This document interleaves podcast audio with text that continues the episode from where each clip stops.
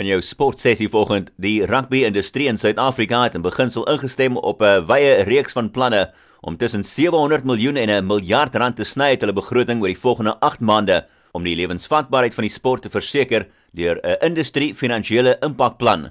Daar's ingestem op die plan tydens gesprekvoeringe met alle aandeelhouers, SA Rugby, provinsiale unies, spelers en rugby-industrie werknemers.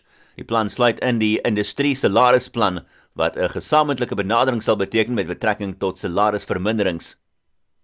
Die Proteas het die seisoen gasheer gespeel vir tuisreekse teen Engeland en Australië en het goed geëindig deur skoonskip te maak teen die Aussies met 3-0 in 'n eendagreeks met 'n verskeidenheid van jong spelers wat beïndruk het.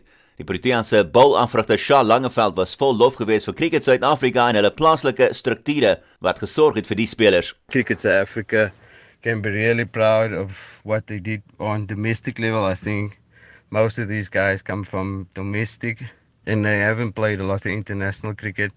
So it showed a lot of maturity, and I think that for us is a real plus point in going forward.